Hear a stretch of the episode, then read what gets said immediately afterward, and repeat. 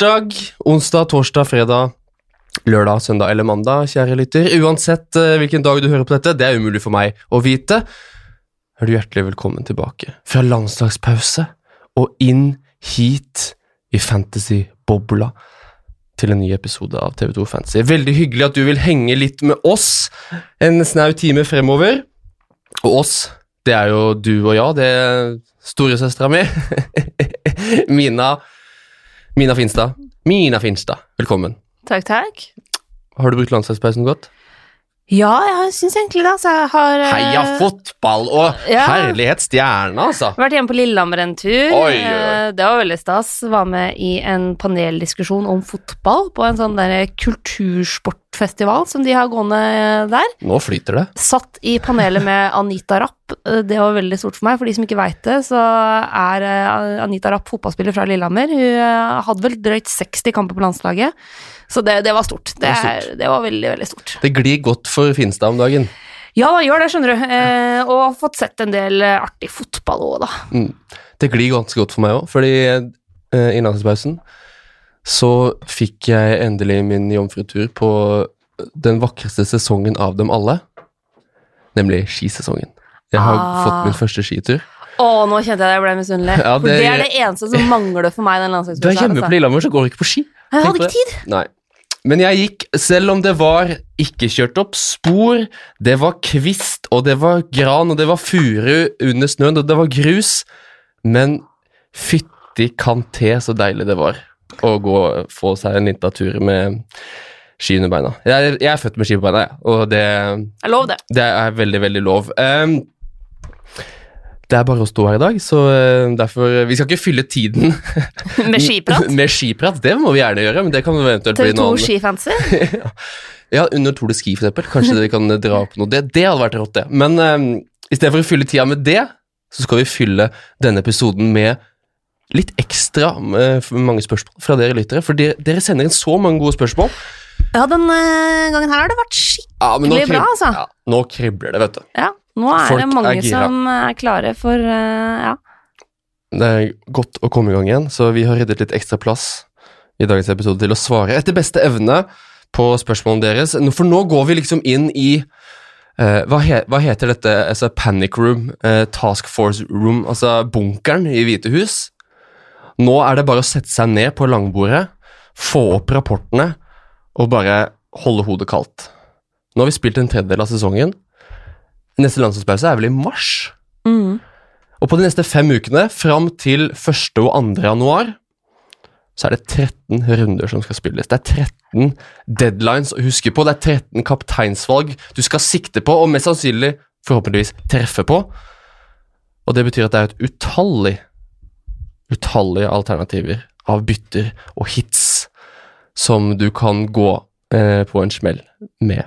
Så vi står altså på dørkarmen, titter vi inn i den mest kritiske perioden av sesongen, nå gjelder det å ikke tråkke feil. Hva er planen, Mina? Hva er det viktig å tenke på fremover?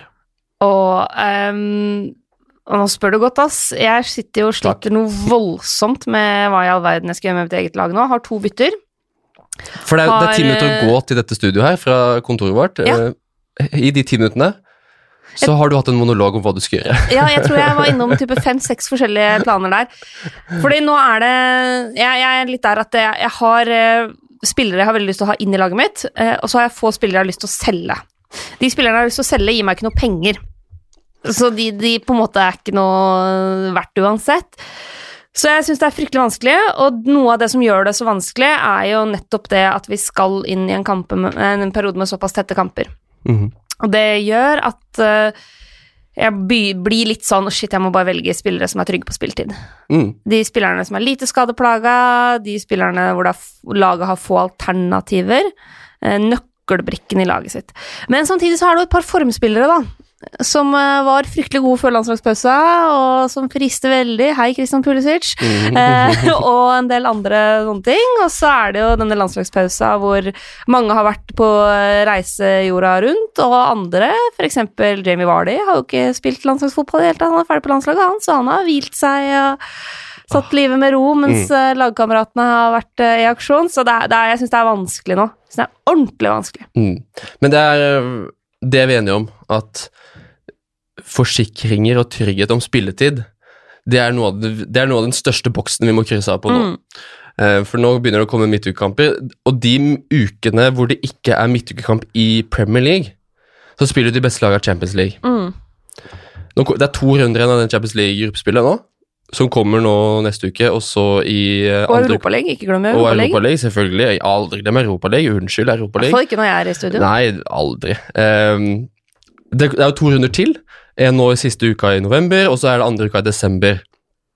Og så begynner juleprogrammet. Og Liverpool skal til VM for klubblag ut i en eller annen ørken, sikkert. Og, så det blir altså nok å sette tenna i. Um, og for de av oss som da tenker at ok, dette er en optimal mulighet til å hente inn tapte poeng og tapt terreng Jeg mistenker at Fredrik Lingås er en av de, for han har sendt oss et spørsmål og lurer på om vi har noe statistikk på det største fantasy comeback gjennom tidene.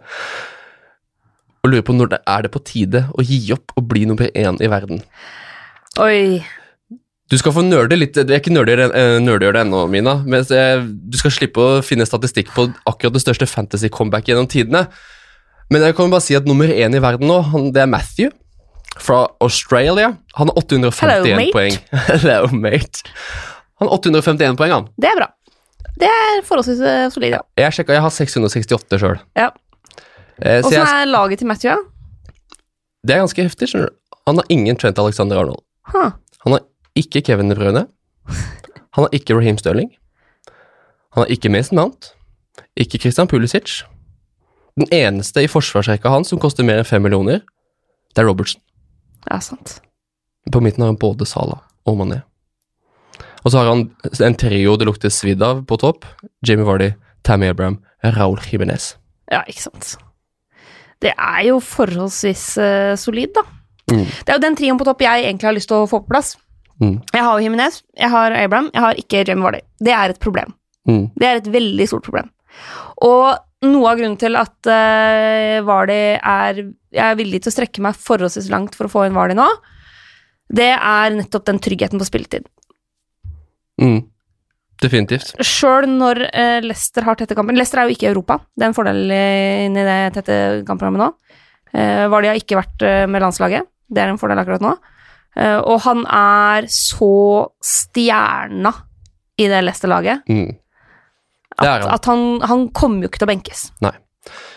Så er spørsmålet om hvorvidt man skal, eh, hvor langt man skal strekke seg for å få en Vardi. Det skal vi svare på litt seinere.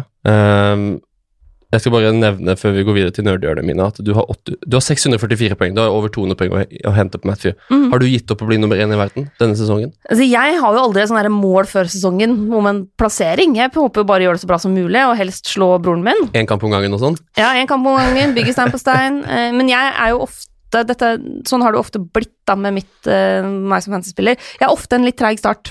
Mm. Jeg er ofte best når det begynner å dra seg til eh, i løpet av romjula. Eh, også litt sånn på nyåret, når man kan begynne å Det er ofte der jeg henter mest poeng, da. Mm.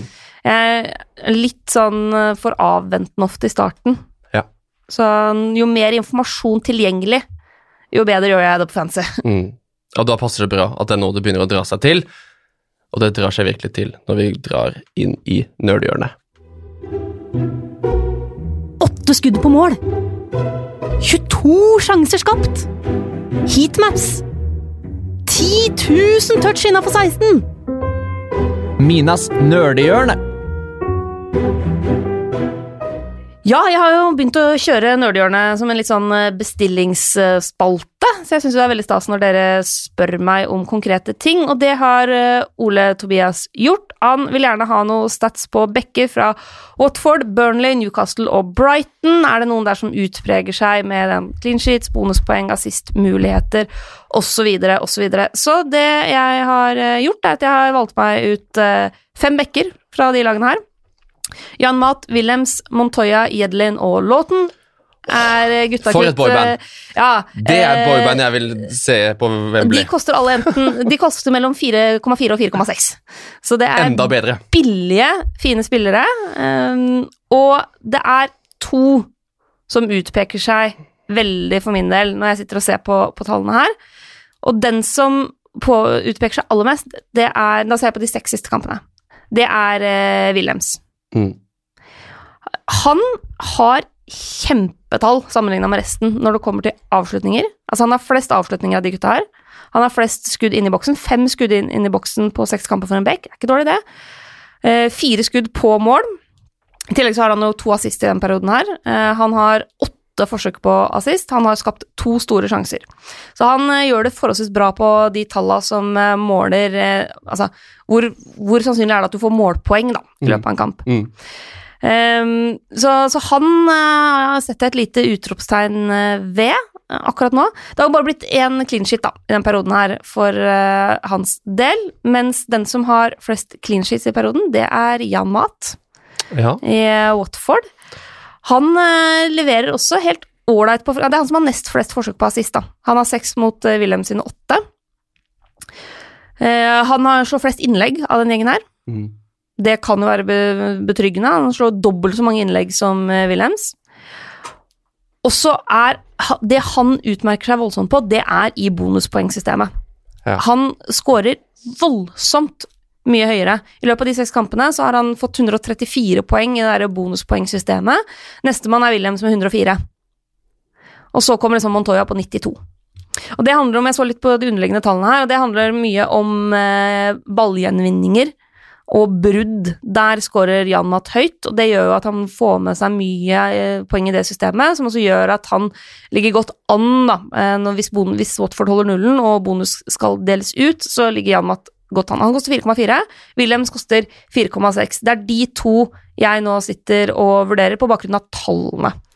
Og jeg vurderer å ta inn en av dem, fordi jeg eh, må hente litt penger i forsvarsrekka mi hvis jeg skal få inn Vardy. Mm. Er det noen av de gutta her du vurderer, eller? Eh, altså, Wilhelm så har jeg hatt på Eller har jeg måtte oppdaga. Men Matt Ritchie skal jo inn der sikkert snart. eh, på den her venstre vingbekken. Så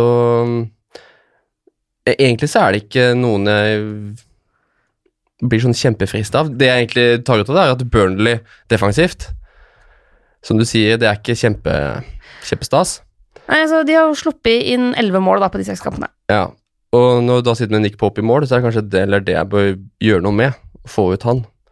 Kanskje Ben Foster er et uh, fint valg uh, fremover. For det, det kan virke som Watford uh, kanskje er litt på vei oppover. Um, men for å være helt ærlig, så har jeg ikke jeg har ikke kommet dit i elveren min eller i troppen min at jeg kan begynne å se på litt spennende, friske alternativer på, på bekker fra nedre halvdel. Jo, men sånn som La oss ta Jan Mat, da. Eh, som koster 4,4. Han, De neste kampene, fire kampene hans, er Burnley, Southampton, Leicester og Crystal Palace. Og så er det Liverpool og United. Så da det, tenker man jo inn i en sånn type rotasjon, da, i så fall. Eh, han har jo på de siste fem kampene så har han sju poeng mot Norwich, null mot Chelsea, seks mot Bournemouth, tolv mot Tottenham, ni mot Sheffield United. Ja. ja men jeg syns ikke kampprogrammet, kampprogrammet er spesielt bra heller. Jeg, ikke, jeg, jeg tar ikke sjansen på noe Watford ennå. Um, kan, de, jeg syns Watford forsvarsrekka har vært veldig utsatt for rotasjon tidligere. Så jeg tør ikke å si at noen av de er trygge nok. Uh, Burnley er for så vidt trygge for at du vet hvem som spiller, men der også er kampprogram- kampprogrammet ganske tøft. Uh, City og Tottenham i de to første kampene i desember. Oh, de har Ja. Et, nei, nei, eh, Brighton er eh, umulig å stole på fortsatt, syns jeg. Der også er det tøffe, tøffe kamper nå i neste. Så jeg har, jeg har satt en forsvarsrekka altså, med forhold til Sionchu og Lundstrøm, mm. som er de to som jeg ville byt, altså bytta ut for å få inn en av disse. Aldri i verden. Nei, men sånn som meg, da, som sitter med Preira. Ja. og kan hente en del penger der. Eh, det å få inn en forsvarsspiller som koster 4,4 La oss tenke deg enten Janmat, men også uh, for eksempel Jedlin, da. Eh, som eh, har da Han har stort Han har jo spilt fast de siste kampene. ja. Og han har Aston Villa, og så har han City, men så har han Sheffield United, Southampton, Burnley og Crystal Palace. Hvis du tenker det inn i en rotasjon Ja, men jeg kommer ikke til å rotere, for jeg kommer til å spille Lundstrøm og Sionchu også hver gang. Sammen med Trent. Jo, men det er det- nettopp det jeg mener. At hvis du skal ha inn en spiller som du stort sett skal benke, men som kan Ja. hendig å ha Fordi plutselig så blir Stirling benka, plutselig så blir Kevin De Bruyne benka, Mm. plutselig så er Mason Mount eller Tammy Abraham eller whatnot Mm. uh, har en kamp hvor de ikke spiller. Mm. Og du trenger å ha en fjerde forsvarsspiller som faktisk spiller, eller du har behov for å rotere på et eller annet vis. Mm. Ja. I see your point. Jeg gjør det. Uh, Og jeg vet ikke hvorfor Ole Tobias eh, er interessert i backer fra Watford, Burnley, Newcastle og Brighton, uh, men det var en veldig spesifikk og fin bestilling. ja, og, men jeg skjønner godt Altså, det er veldig fint å være interessert i de bekkene. Det, man bør være det. Så bra spørsmål, Tobias. Og ba- Godt svart. Basert på tallene så er det de to jeg ville vurdert, er uh, Wilhelms og Jan Matt. Enig. Jeg kan ta, vi setter de opp på blokka. Det kan vi gjøre. Og så Nydelig levert, Mina. Håper du noterte ned det. Hvis ikke får du bare spole tilbake, for vi skal gå videre. Og vi skal sette oss i båten. Har du sett det kampprogrammet, eller? Sitt stille i båten nå. Men Han er jo i superform. Sitt stille i båten. Jeg kan bare ta minus fire.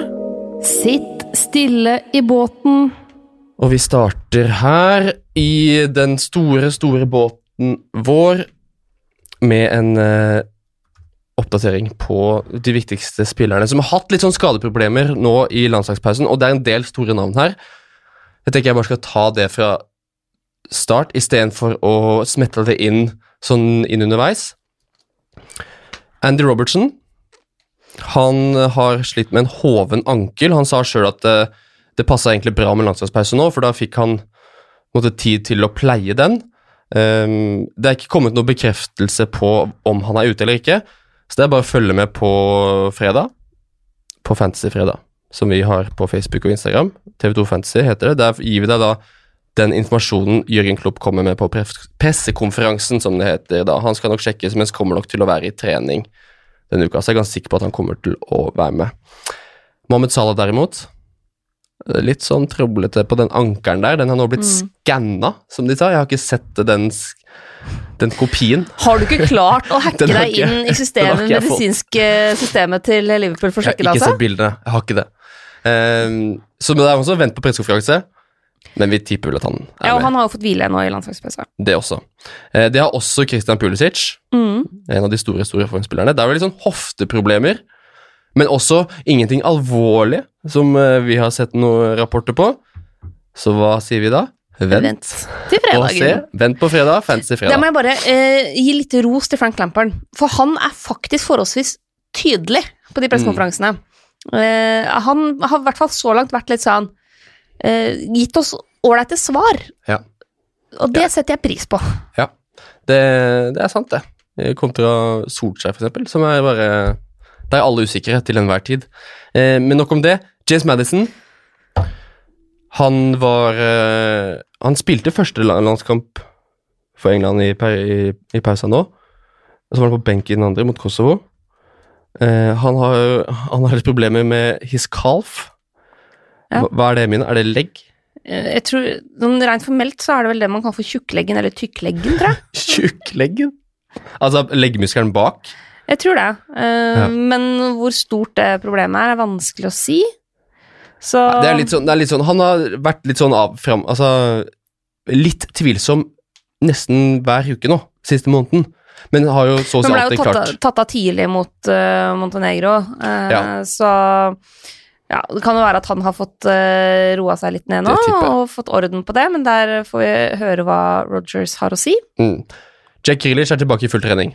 Ja. Der kan vi endelig bekrefte noe. Og så kan vi også bekrefte at Timo Pukki fortsatt er litt sliten etter den festen Finland hadde etter at de Ja, kvalifiserte seg. altså, det er bare å gratulere Finland med EM-billett for aller første gang. Ja. Det må være stas. Ja. Men at det fortsatt er litt promille i det blodet til Pukki når han skal spille til helga, det tror jeg vi kan være enige om alle sammen. Det var de viktigste skadenyhetene vi har funnet, og så kommer det selvfølgelig med på fredag. Um, vi skal dra i gang spørsmålsbolken vår. Daniel Lilleng Fyllingsli spør om Brandon Williams kan være den nye Lundstrand. Og Korte svaret er nei. jeg hadde ikke turt å satse på det. Uh, fordi jeg fant, eh, Apropos Solskjær og sitater på, fra pressekonferanse. Den 20. oktober så sa Solskjær at Shaw ikke var så langt unna. Det er ganske lenge siden 20. oktober. Så han var tydeligvis langt unna, men det også tyder på at han mest sannsynlig er veldig snart tilbake. Mm. Og grunnen til at Williams spilte da mot Brighton, var fordi eh, Ashley Young var suspendert. Så selv om Williams får skryt og alt sånt Nå har jeg sett hvordan Solskjær snakka om Greenwood i et halvt år, Og vi alle tenkte at «Å, da er han rett inn. Ja. Klink. så jeg Nei. tror vi bare skal eh, la Williams uh, være, selv om han koster fire blank. Han hadde vært en kjempefin spiller å få, uh, få inn til slik og ingenting, så lar vi han være med det. Men det er flere billige spillere i forsvarsrekka. Theodor Dokken er inne på Kieran Clark, eller Searan Clark på Newcastle. Mhm. Så han ser ut til å spille fast. Han har skåra to mål i, på rad nå. I to, Ja. to kamper på rad. Grisebillig. 4,3 i røverkjøp. Er vi enige Du snakka om Wilhelms i stad. Ja.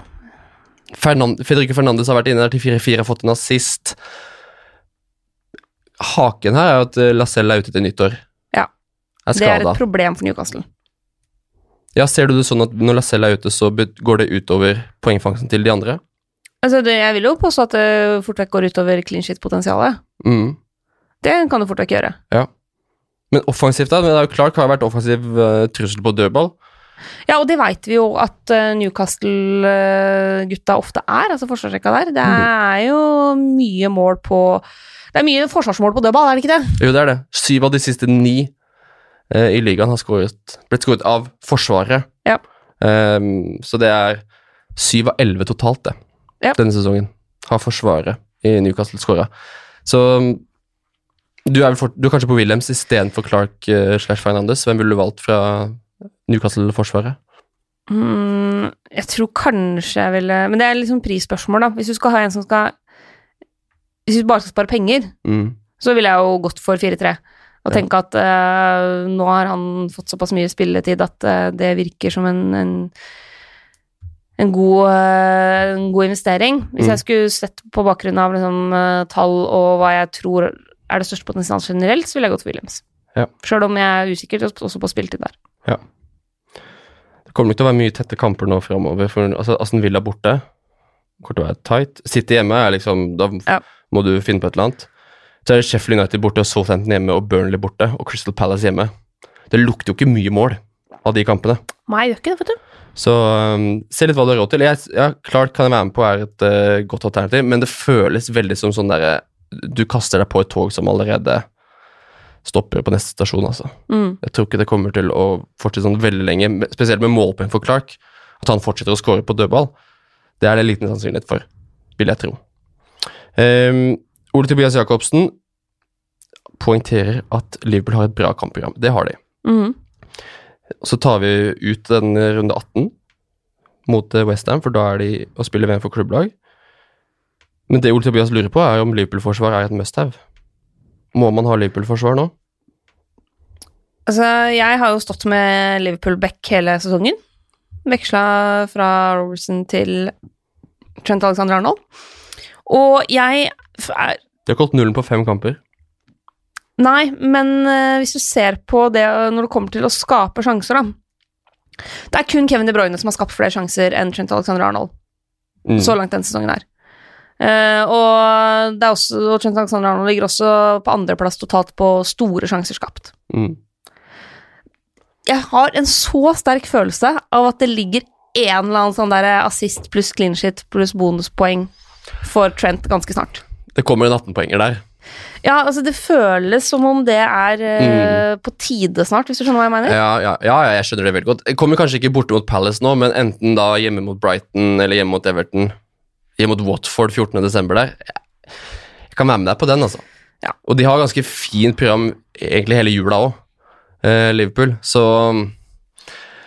jeg syns, jeg syns man må ha en forsvarer derfra. Jeg er helt enig, i Trent Alexander Arnold er han, han, han spiller jo alt, og han er så ekstremt god. Spørsmålet er jo da om man skal ha enda en i tillegg. Burde ha Robertson og Trent. Det blir for mye penger for meg, ass.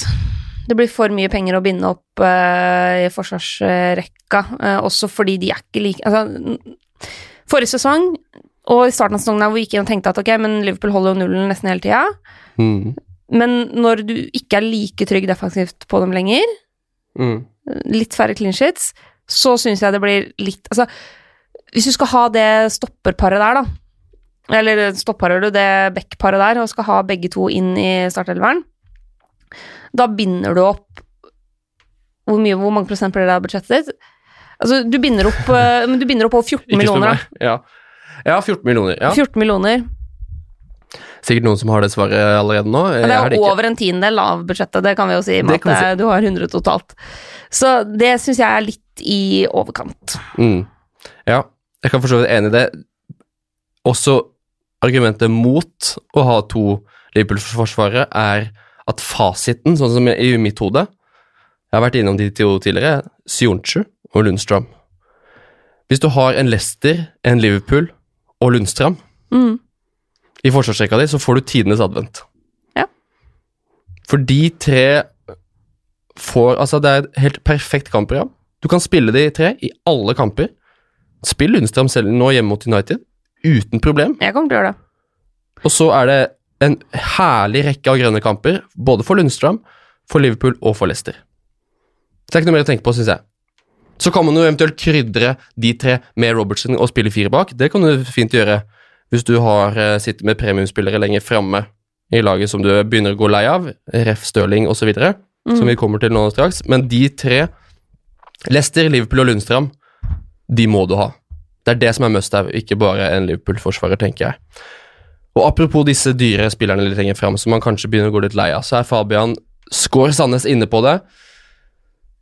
Og egentlig har jeg et dilemma om han skal ha både Salah og Mané. Akkurat sånn som uh, Matthew from Australia, nummer én i verden, har. Eller skal han ha en av de Liverpool-gutta og Raheem Sterling? Ja, det er et innmari godt spørsmål. Du som var Sala Stirling-forkjemper her 10. august, Mina. Ja, eh, så har jo Altså, Sala er fortsatt god, men han har jo ikke hatt den liksom, enorme sesongstarten. Han har jo tydeligvis hatt litt trøbbel med den ankelen sin òg, da. Mm. og Stirling er jo litt vanskelig å bli klok på, syns jeg. Jeg Han- har jo Stirling i laget mitt nå. Ja. Altså den City-Liverpool-kampen som var da for halvannen uke siden. Eh, Før den så var jeg Hadde ekstremt lyst til å ta ut Stirling og sette inn Salah. Mm. Og spille både Mané og Salah mot City. Um, det gjorde jeg ikke. Uh, og jeg kan godt skylde på at du, du anbefalte meg å ikke gjøre det, uh, fordi det var ikke noe vits å bruke det byttet på noe som uh, Stirling kunne like gjerne skåre den kampen, og det ser man i ettertid også. Stirling var fryktelig farlig. Um, og sånn sett, nå sitter jeg godt med å ha Stirling etter det han viste sist, og har også fått hvile i gåseøyne i landslagspausen. Men det at jeg ikke satte inn Salah for Stirling da, gjorde at jeg tenkte i landslagspausen ok, nå er, jeg, nå er jeg ferdig med å tenke på ting. Hvis jeg bytter jeg lyst til å gjøre, så kommer jeg til å gjøre det. Jeg har lyst til å få inn Salah på laget. Uten at det Ja. går på bekostning av Mané. Så i den kampprogrammet som venter for Liverpool nå, i adventstida, så har jeg lyst på Salah og Mané. Ja, Og så får eh, det bare få de konsekvensene det får. Så får jo de De har jo ikke kamp i runde 18, da. Liverpool. Nei. Nei. Men det er jo noen runder til det. Og vi kan jo bare ta det høyt også. Det er Crystal Palace, Brighton, Everton, Bournemouth, Watford før de da skal ut på i klubb-VM. Mm. Og ikke ha kamp eh, i, sånn rett før jul der. Mm. Altså, jeg skulle kjempegjerne fått inn Sala, men eh, jeg kommer ikke til å prioritere det. Hvorfor ikke det, da? Eh, fordi for meg så er fortsatt Mané et vel så godt kjøp, Ja. basert på det de har vist så langt. Ja. Eh, altså det er jo, Mané er den spilleren som har plukka nest mest poeng Mm. så langt denne sesongen her. Så, og hvis jeg først skal quize meg med Stirling, så har jeg andre prioriteringer enn å få inn Sala akkurat nå. Mm. For det er jo flere også som er kanskje litt lei av uh, Stirling. Kristoffer Dalaker har kommentert på Instagrammen vår. Og man skal sitte stille i båten med Stirling. Eller legge på svømme mot midtbanebåten til Leicester og speedbåten Jimenez sitter om dagen. For det er også en del av regnestykket her. Hvis man skal kvitte seg med Stirling, så er det fort å gå ned til type Madison, eh, Tilmans Pulisic eksempel. Mhm. Og så kan du putte masse penger inn på topp. Ja. Eller fordele det utover eh, resten av elveren din. Og det kan jeg jo si, da, at et av de byttene jeg vurderer å gjøre, eh, og det er fordi det handler først og fremst om Jamie Vardy, eh, det er å ta ut Stirling for David Silva, Mm. og ta inn Vardy for Jordan Ayu. Mm. Det er en mulighet jeg kikker på. Mm. Uh, det, men da handler det først og fremst om å klare å, å få inn Vardy. Mm. Sitter du ikke med følelsen av at hvis du tar ut Stirling nå Så kommer han til å score hat trick. Jo, jo, det er jo derfor det er grusomt å ta ut Stirling. Det er Ja. helt forferdelig. det er, det er noe av det vanskeligste i dette spillet, er å vite når du skal shippe ut og chippe inn disse dyreste spillerne på over 10 millioner. Mm. Alternativt så kan jeg ta minus eh, fire. Og ta ut Preira i tillegg. Og da vil jeg i så fall få inn eh, for Preira, Stirling og Ayu, få inn eh, Vardi, Hongminson og Jan Mat. Ja, ikke sant? Det, det er mye vi som hadde dersom-matte Ja. her, men hvis Stø, altså Stirling For å svare på spørsmålet, da. Vil du hatt både Salah og Mané? Jeg, det er mitt svar. Jeg vil ha både Salah og Mané. Vil du ha en av de, eller Stirling og Stirling istedenfor? Uh, jeg, eh, magefølelsen min, og så det jeg tenker akkurat nå, er at jeg, jeg ville heller hatt Salah Nei, hatt Mané og Stirling enn Mm. å ha hatt Salah og Mané. Ja. Fordi Stirling er jo en del av Du er inne på David Silva inn i laget her. Eh, Ruben Ottensen er jo inne på det at nå har Bernardo Silva fått en kamp karantene. Hva betyr det for City-laget? Altså spilletid for Mares? Eh, David bare kamp, som kamp, da. Det er bare én kamp. Ja. Eh, Jeg ville, for, bare for å ta det først, jeg ville ikke tatt bytter basert på én kamps utstengelse. Nei. Det ville jeg aldri gjort. Det, det, jeg ville ikke lagt om en plan og lagt om et lag for det. mm, da ville jeg heller tenkt litt mer langsiktig. Og så kan, hvis du f.eks. vurderer David Silva, da, mm, så er det jo en bonus at Bernardo Silva ikke kan spille nå til helga, fordi det er ett alternativ mindre.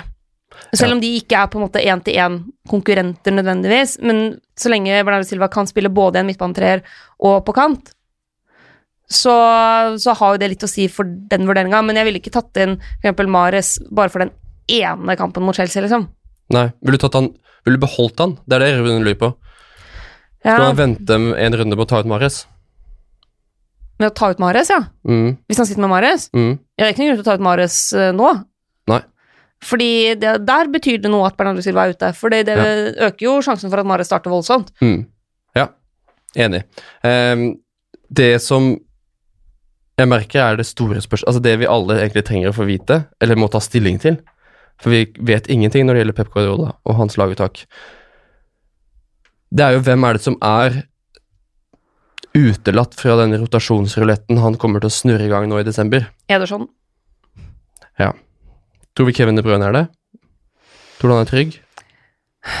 Jeg, I utgangspunktet så er han nok blant de tryggeste. Du ser det mot Liverpool òg, da. Hvor vanvittig avgjørende Mm. han er.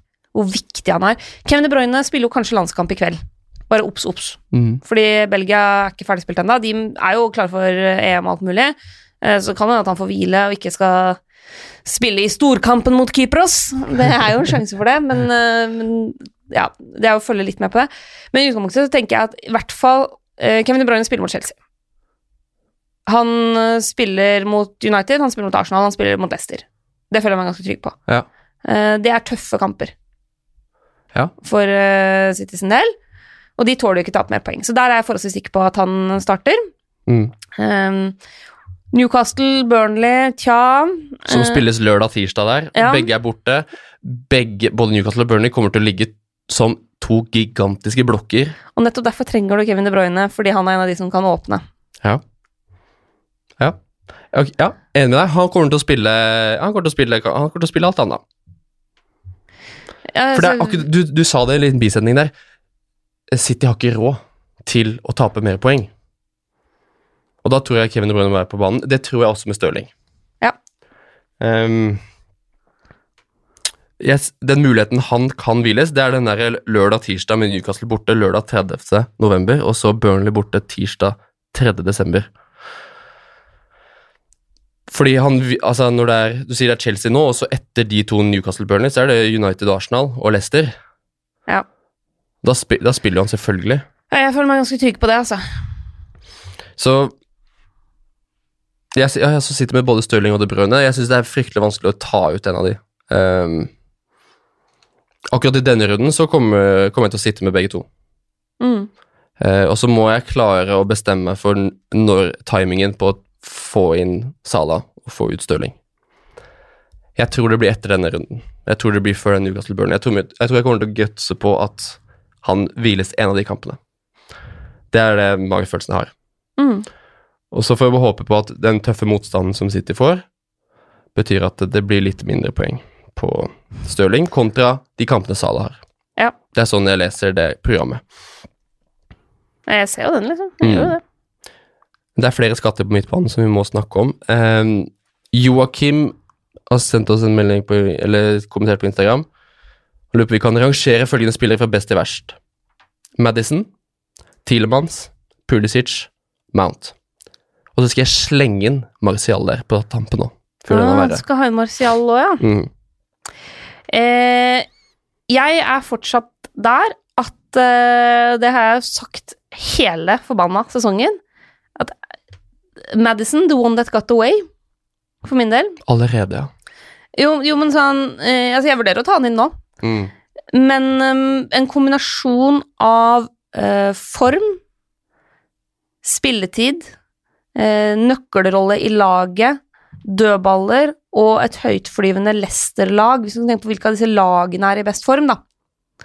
Så den kombinasjonen av alle de greiene der gjør at jeg rangerer eh, Madison nok høyest. Men nå slang du inn Marcial der òg, ja, fra sidelinja. Den er jo interessant. For vi kan være enige om at Tilemans er kanskje nederst, eller? Men med tanke på hvor mange mål Chelsea skårer, og med tanke på at Mount er ganske trygg i det laget, og Pulisic er i såpass god form at han kommer ikke til å bli benka med det første, så er jo både Mount og Pulisic over Tilemans. Eh, og li- litt rollen til Tilemans i laget, men samtidig eh, form, da. Ja. Jeg setter Tilemans nederst. Ja. Og så setter jeg Pulisic under Mount, fordi Pulisic er dyrere, og det betyr at Mount er bedre verdi for penga, og er tryggere i laget. Ja, men formen, da, på Ja, Pulisic er- det er ikke- jo nok. mye råere enn eh, formen på Mount. Det er sant, men det er ikke nok til å gå over Mount, som jeg mener fortsatt er sånn. Det er season keeper, det. Ja. Um, for jeg er helt enig med Madison.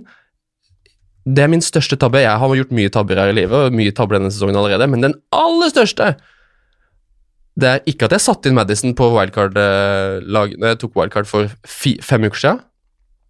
Etter å ha bytta det to, etter to runder. Ja, Du var for utålmodig der, altså. Mm. Men han var en del av pakka for å få inn Stirling og Vardy. Ja. Og da måtte Madison gå. Og det er kjempevondt, men sånn er det. Han er et hjertebarn som vi måtte si farvel til. Eh, så håper jeg på at han kan være den bortkomne sønnen som kommer hjem igjen eh, så fort som mulig. Men jeg vil heller hatt Martial istedenfor Madison, altså. Han Ja. spiller spiss.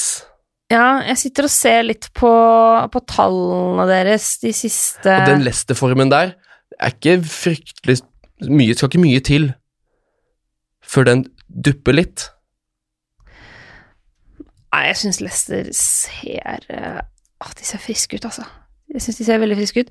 Men, Men Martial, hvis vi ser de siste fem kampene, da, Mm. Så Ja, han, han har jo ikke spilt liksom supermye, men han skyter jo mindre enn eh, Mason Mount, for eksempel. Skyter like mye, har like mange skudd per kamp som Tilemanns. Tielemanns. Ja. ja, akkurat der så driter jeg faktisk litt i statistikken, statistikken, fordi F, eh, det at han spiller spiss, er så ekstremt Det er det største og beste argumentet i mitt hode. Ja. Samspillet med Rashford er ekstremt godt. Og så har han, han har en eierandel på, eierandel på 8,9 Ja. Og sånn som jeg tenker i denne eh, bobla her Madison er den store stjerna som alle vil ha, og som alle setter seg på. Mens Martial er den som mange da velger å ikke øh, sette inn på laget. Mm. Det betyr at det er han som er størst oppside. Det er Martial som gir størst oppside nå. Og Derfor vil jeg selvfølgelig ha en billett på han. For å plukke de poengene som da du og de andre rivalene mine ikke får. Ja. Det er sånn jeg tenker. Ja. Nei, jeg, ser jo den, og, og altså Uniteds kampprogram, da.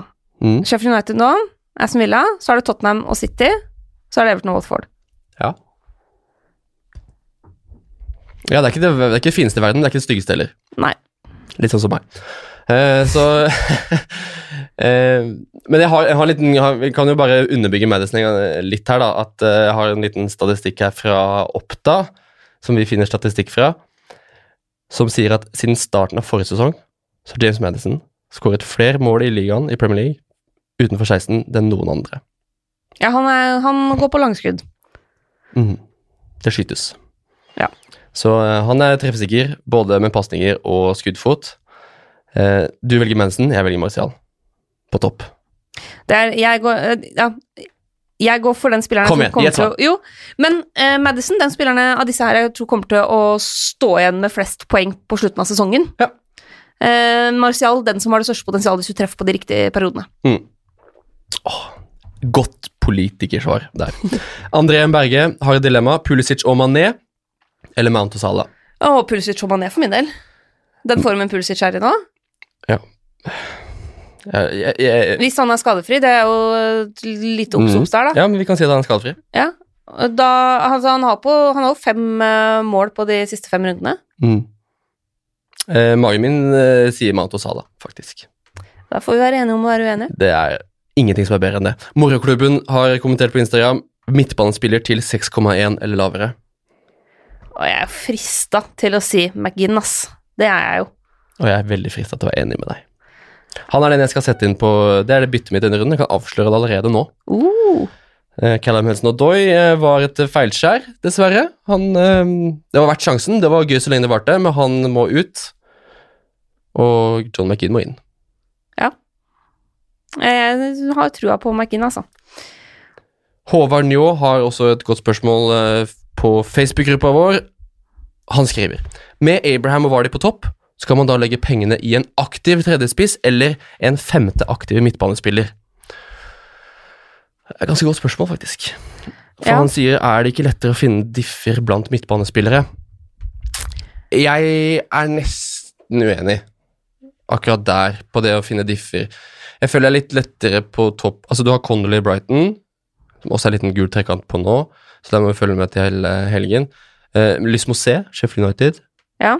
Sånn under fem blank der. Fordi det, det, hvis det ikke er prisklasse her, så er det jo fire og en halv til fem. Så kan du si Utvalget er større på midten.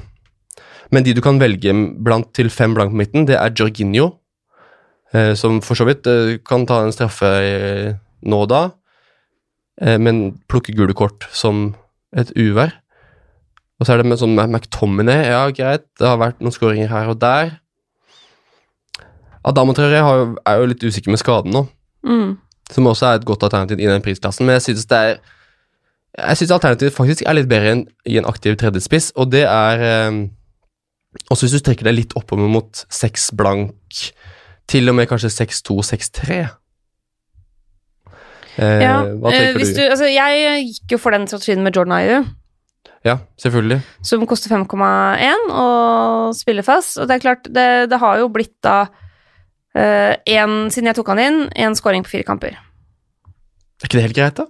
Så til så billig penge, så er ikke det helt uh, idiot, altså. Nei? Hvis du, kan gå, hvis du har råd til å gå litt opp i pris, så vil jeg jo si at man bør kikke på Burnley-spissene. Ja. Altså Chris Wood og Ashley Barnes. ja. Begge har uh, levert i perioder, ja. Men nå er jo Chris Wood tilbake fra skade. Mm. Eh, jeg syns begge altså Kanskje først og fremst nå jeg, Alle vet jo at jeg egentlig er mest glad i Ashley Barnes, men, eh, men de Du får to, ikke lov til å si en annen Burnley-spiss enn han. de to syns jeg det er verdt å kikke på. Mm. Så men, men greia hvis du går opp i det prissjiktet på midtbane, så har du ganske mange interessante alternativer. Men det blir litt feigt. Jeg syns vi må klare å holde oss nede på fem blank. ja, men da må vi skryte Da må vi stryke Burnley. Ja, da stryker vi Spissene. Burnley. Og det vi kan sette inn, er en som eh, jeg faktisk ikke har tenkt på før jeg så navnet hans nå, til 5 millioner, 0,6% eierandel, i rød drakt. Andreas Pereira. Ja. Han har starta Er han fast? Det ser jo i hvert fall fryktelig sånn ut på den spilletiden. Selv om han har blitt tatt av eh, forholdsvis tidlig de to siste. Han skåra mot Brighton sist. Mm. Lingard er jo helt ute av det. Ja. Um, og du vet, er, Pogba er jo fortsatt et eh, litt evigvarende spørsmålstegn. Så er det mulig, mulig spiller å se på. ja. Men da er vi Men- langt nede i hipsterkurven. Ja, Men det føler jeg du må være der, altså. I den prisklassen. Ja. Um, du er jo det uansett hvis du er se på topp også. For Ashley Barnes, det er jo ikke hipster, er det det, er det, det Nei, nei, nei, det er jo bare sunn fornuft. Ja, det er bare sunn fornuft, selvfølgelig. Ikke sant. Eh, kanskje se litt på Pereira. Det kan være en Ja. liten frisk variant.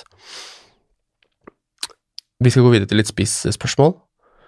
Ludvig Forberg skriver på Instagram om han bør, sitte, bør han sitte stille i båten med Firmino eller bytte han med Jamie Vardy. Jeg ville bytta med Jamie Vardy. Det er jeg enig i. Det som er spørsmål nummer to, da, er hvor langt skal man strekke seg for å få en Jamie Vardy? Ja, det er jo det jeg sitter og kikker på, da. I mitt eget lag. Mm. Han er fus i alt. Ja. Han spiller alt. Han scorer nesten på alt. Ja, han uh, scorer jo øh, veldig mye mer enn det han burde, basert på tallene sine. Mm. Uh, men han, har jo, han er jo en spiller som ofte gjør det. Altså, det, er ikke bare en, det er ikke unikt for den perioden han har vært gjennom akkurat nå, på en måte. Eh, det gjelder liksom litt generelt, da. Mm. At han ofte leverer sterkt. Nå har han eh, 12 poeng, 6 poeng, 20 poeng, 8 poeng på de siste fire kampene. Mm. Det er. Det er, han er den spilleren som har plukka mest poeng på fancy. Så det er klart, den 20-poengeren kommer jo i den nære Southampton-kampen. Så den må man se litt bort fra. Det skjer ikke igjen. ja, men det er fortsatt 20 poeng. Ja, ja, det er 20 poeng, så for de som hadde han som kaptein den runden her, er det Ja, bare ja. å ta av seg hatt og bøye seg i støv og absolutt uh, alt. Nei, um, jeg har kjempelyst til å få inn uh, Vardy. Den spissrekka jeg har soleklart mest lyst til å ha akkurat nå, er Himinez, Abraham og Vardy. Mm. Det er den spissrekka jeg ønsker meg. Jeg har Abraham, jeg har Himinez. Så spørsmålet er om jeg skal enten ta hits for å få inn Vardy, eller om jeg skal kvitte meg med Stirling eller Kevin De Bruyne for å få en uh, Vardy. Mm. Det er det dilemmaet jeg står i. Mm. Hvis du måtte velge her og nå, hva hadde du gjort?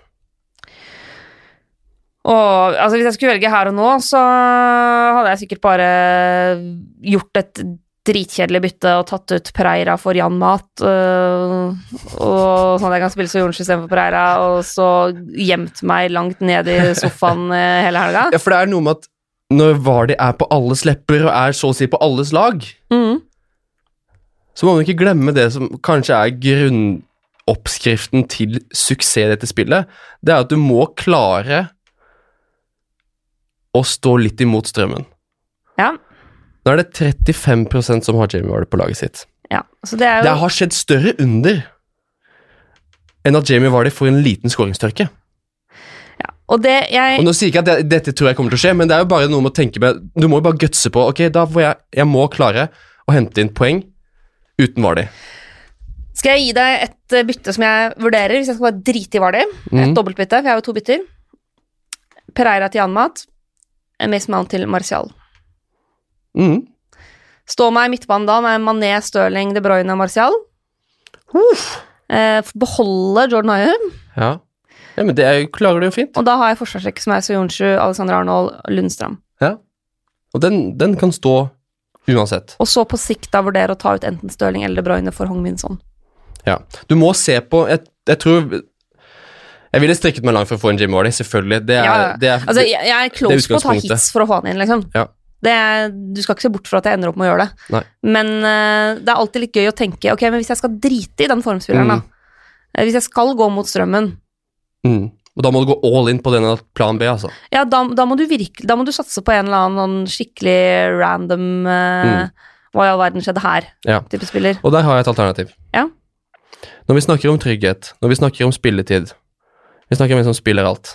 En som er fus i alt. Mm. Som også er spiss. Som skåra fire mål i landslagspausa. Og nå vet jeg hvor du skal. Harry Kane. Ja, Han er nede i 10,8. ja. Glemmer vi han helt i denne Vardy-forelskelsen vår?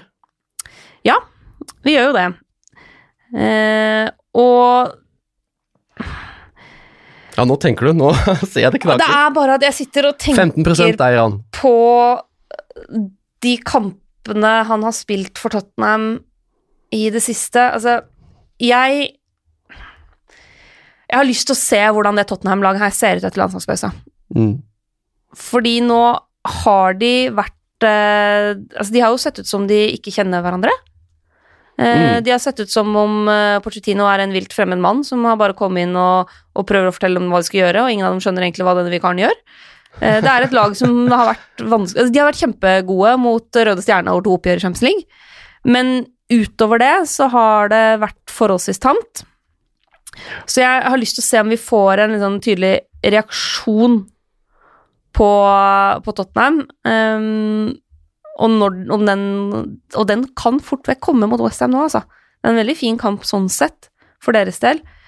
Eh, men det er en spiss som spiller for lag Som koster nesten 11 millioner, som spiller for laget som akkurat nå ligger på 14.-plass Ja. Alt tilsier jo Ja, ja. Premier League. Han, altså, Tottenham har scora 13 mål, Mm. er det vel? Hvis jeg ikke husker feil. Så langt den sesongen her. Eh, nei, de er 18 mål, mener jeg. De har skåra 18 mål så langt den sesongen, sesongen her. Kane har ett mål på sine siste fem kamper. Tottenham har skåra ett mål mer enn Burnley. Ja. det er veldig, veldig, veldig lite som tilsier at Harry Kane bør inn på fantasy-laget ditt, bortsett fra denne tanken om at noe gærent Altså, du må gå an Du må Altså, hvis det å sette inn Harry Kane på laget ditt når vi, sier, når vi tenner det første adventslyset Hvis det er crazy, så er det mye Det kunne vært verre enn det, for å si det sånn. Bare, altså jeg skal nå notere meg Kane, fordi eh, folk selger han jo fortsatt. Mm. Han er på 10,8. Eh, Så han er nede på 10,5, og Vardy han kommer begynner å seg jo ikke ned på 10,5, men la oss si han er på 10,7-10,6, da. Ja, og Vardy kommer opp på 10 blank etter hvert. Han fortsetter bare å stige. Han er på 9,6 nå. Ja. Tenk litt på den. Ha den litt i bakhodet. tenke litt på den, La den altså. kverne litt. Det er ikke bare Kane som er et godt alternativ til uh, Vardy. Ole Moen er inne på det. Marcus Rashford står med ni mål på de siste ti kamper i alle turneringer. Ja. Kjører inn Rashford som en diff da, ved siden av uh, Tammy Abraham, for eksempel, som er kanskje den som er umulig. Eller skal du gå utenom? uh, eller ved siden av Vardy? Ref denne debatten om at du må hive en spiss som alle har, som også fort kan Det skjedde større under at Tam Abraham slutter å score. Og så skal Batshuayi begynne å få spilletid, så blir Abraham tatt av etter 70-60-50 minutter. Nå er du veldig Ja. langt inn i fantasiverdenen, ja. eh, Ole Martin. Men jeg er enig. Rashford, eh, interessant. Men der vil jo jeg da heller prioritere Martial. Yes, Enig. Jeg er så enig. Martial over Rashford. Ja. Alle dager i uka. Hans Martin Wilberg er inne på at Jimenez må inn, og Bameng må ut. Skal han gjøre det nå eller neste runde? Ja, for Aubameyang var jo Jeg var så sikker på at han bare skulle fyre på hele linja. Men nå er de hjemme mot Southampton for Arsenal sin del. Mm. Så er det borte mot Norwich, da. Ja. Jeg ville nok venta. Hvis du fortsatt sitter på Aubameyang, så må du sitte med Ja, han. da. du må sitte med, sitte med han mot Southampton, altså. Mm. Og så heller eh, utsette Raoul litt. Ja. Jeg tror man kan klare seg uten Raoul. Jeg, har, jeg tror jeg må klare det sjøl. Åh, mens jeg skal kose meg med Jiminez først mot Bournemouth, så mot Sheffield United, så mot Westham og så mot Brighton. Ja. Og det skjønner jeg, og det er godt mulig at du kommer til å gjøre det, fordi det er bare Stirling som har skåra flere mål enn i alle turneringer, da. Enn Raúl Jiminez denne sesongen. Han har fem på sine siste seks i alle turneringer, så Jiminez er i form. Apropos Wolverhampton, så skal jeg innrømme at jeg holder et halvt øye på Diogo Yota. Ja, så ja. Um, apropos jokere til billig, billig peng. Uh, begynt Kommet seg litt inn igjen i laget nå.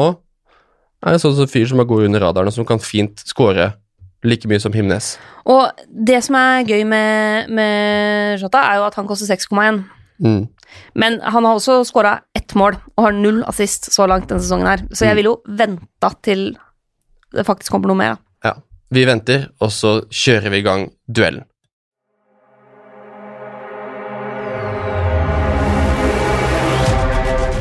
Nei, nei, nei, nei! Nå er du helt på bærtur! Det er jeg helt uenig i! Mener du det? Duellen. Og der har det kommet inn gode forslag fra dere denne gangen også, så vi kjører faktisk to dueller denne gangen her. Ehm, det første Vi klarte ikke å velge, rett og slett, på hvem vi skulle ha som duell. Den første duellen er eh, James Madison mot Christian Pulisic. Oh. To gode formspillere, er det lov å si, om de to. Um, hvis vi, før vi går på statsene, Mina Hvem vil du Ja, det, det har vi sagt allerede. Du ville jo valgt Madison. Ja, Jeg ville valgt Madison som et litt sånn Litt Gullfiskøyeblikk her. Jo, jeg ville valgt Madison som eh, en spiller hvis jeg tenkte nå skal jeg ta inn en spiller som jeg bare kan ha hele sesongen. Mm. Hvis du jager litt bak i miniligaen din og, og trenger noen som kan levere her og nå, Mm. Pulisic. Ja. Vi kan ta med at begge har vært småskadet, så vi bare tar utgangspunkt i at begge blir friske og klare. Eh, så langt i sesongen så har jo, selv om Pulisic har spilt færre minutter enn eh, Madison, så har jo Pulisic flere poeng per kamp. Mm. Eh, det gir jo for så vidt mening det, siden han har spilt flere kamper, men han har 6,1 poeng per kamp, denne amerikaneren, mot 5,6 på Madison. Så det er forholdsvis even Steven eh, akkurat eh, der.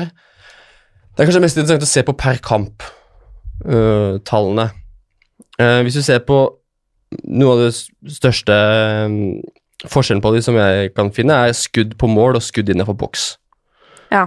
James Madison har 0,65 skudd på mål per kamp. Pulisic har 1,9. Skudd innenfor boksen så har James Madison 1,2. Pulisic har 2,5. Mm. Akkurat der er Pulisic så å si dobbelt så god som uh, Madison. Um, men så har jo attempted assist, forsøk på assist, så har Madison 2,1. Men Pulisic har, Pulisic har faktisk 1,9.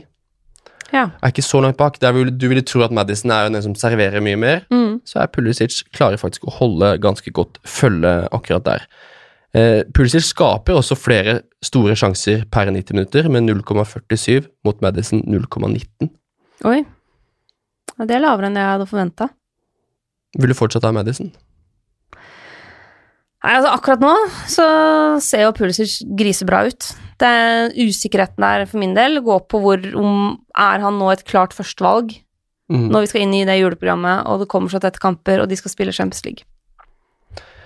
Han er nok mer utsatt for rotasjon Enn enn Madison. Madison. Det er han nok. Definitivt. Um, Så skal du gå for Pulisic, så sørg for at du har benk som spiller. Ja. men det er Lampard setter jo ikke ut Pulisic nå. Det, Det ville vært kjemperart. Han er en spillertype som Chelsea trenger i det angrepet der. Um, er direkte gjennombruddshissig og også god med, med ball, så Pulisic går vinnende ut av den første duellen. Og så må vi bare snike inn en duell nummer to her, fra Jenny Fagerås. Den første var fra Ørjan, hvis jeg ikke sa det. Den andre er fra Jenny. Jimenez mot Rashford. Ja. Den er litt verre å velge mellom. Det er litt forskjellig pris her, da. Ja. Det, må vi jo si. Rashford jo koster 8,6, Jimenez koster 7,3. Ja. Og altså, jeg har jo på en måte tatt det valget allerede. Jeg, jeg har jo Himinez, Mm. så og sitter foreløpig og er egentlig ganske fornøyd med det. Mm. Uh, og der blir pris også såpass viktig for meg. Altså, det er mer enn en million i forskjell. Mm. Og da tror jeg Jiminez kan være like god verdi. Ja. Eller minst like god verdi som Rashford. Og det sier tallene også. Skudd eh, per 90 minutter. Hvis vi ser skudd på målet der, så har Rashford 1,3, Jimenez 1,2. Skudd innenfor boksen, så har Rashford 2, Jimenez 2,5. Ja. Eh, så de eh, Jimenez er faktisk litt foran eh, akkurat der. Eh, Forsøk på assist ligger også begge rundt 1,5, og de skaper også 0,2-0,3 store sjanser per kamp. Eh, Det er jo ikke det de er ment for å gjøre. Det som er, kan være litt eh, en liten knagg å huske på, er at Rashford totalt denne sesongen har expected goals, altså forventet mål, på 7,91. Ja. Han har skåra seks.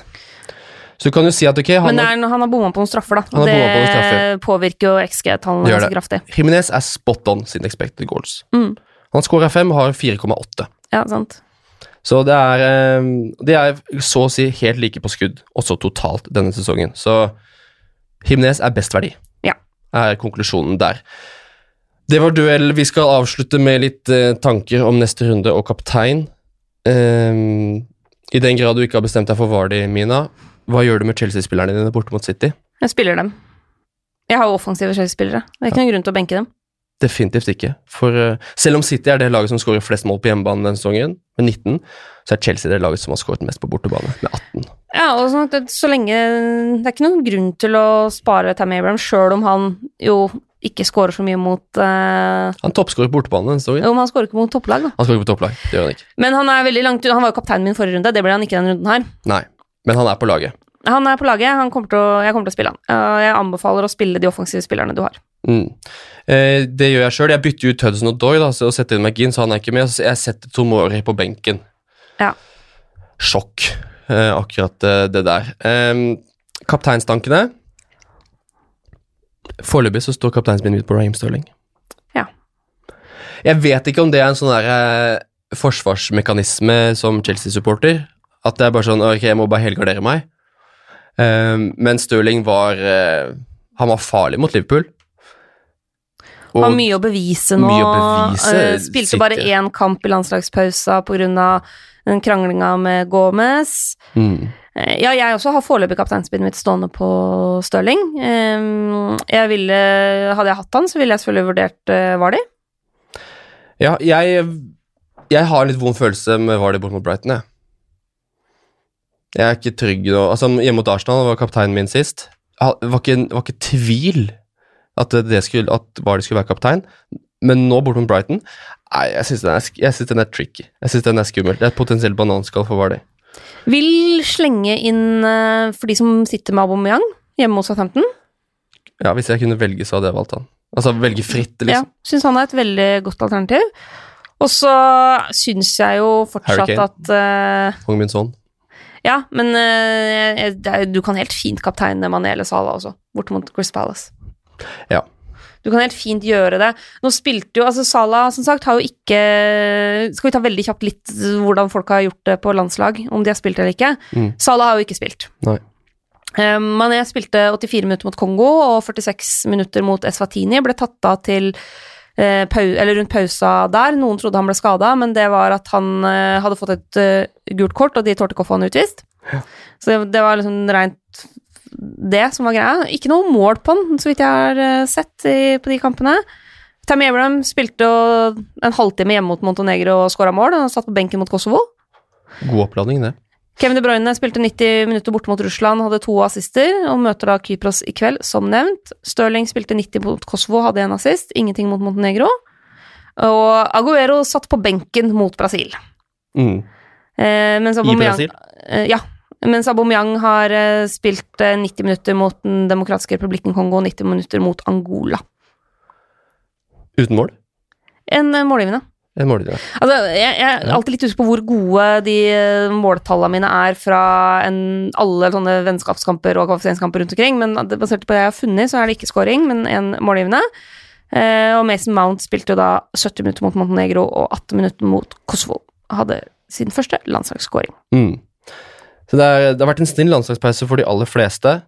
Um, rent sånn tallmessig, da, med, før denne runden, så kan en si at Sadio Mané, som vi er inne på, han har syv mål på sine, siste, nei, på sine ni ligakamper mot Palace. Det er flere enn han har mot noen andre lag. Ja, sant. Så jeg lurer Det er, det er, jeg har ikke lyst til å ha kaptein mot mitt eget lag, selv når det er City. Selv om Chelsea er porøse. Men Kanté er jo der, og Kanté kan, han har redda dagen min før. Han har redd, ah, det, nei, jeg tror jeg skal bytte til Mané. Mané med Green-kaptein bort mot Palace. Eh, og selv om Aguero har skåra åtte mål på sin siste seks mot Chelsea Det skyldes jo en liten 6-0 der eh, Ja. i våres. Det tror jeg ikke skjer igjen. Det tror jeg ikke skjer igjen. Så um, Mané er nok den som får kapteinspinnet mitt. Eller Stirling. Det får vi se. Avgjørelsen og får dere på fredag, på Fantasy-fredag, som vi så fint kaller det. Den får du på Instagram og på Facebook. profi- Facebook-gruppa vår, Instagram-kontoen vår. Dere vet hva vi heter der. Der får dere også siste nytt før helgens runde, som starter lørdag. Fristen er 12.30. Bare å huske det, folkens. Takk for at du hørte på denne episoden. Takk for at eh, du er med etter enda en landslagspause. Vi høres neste uke. Da kommer Charlie's Angels i studio. Gled dere til det. Vi snakkes.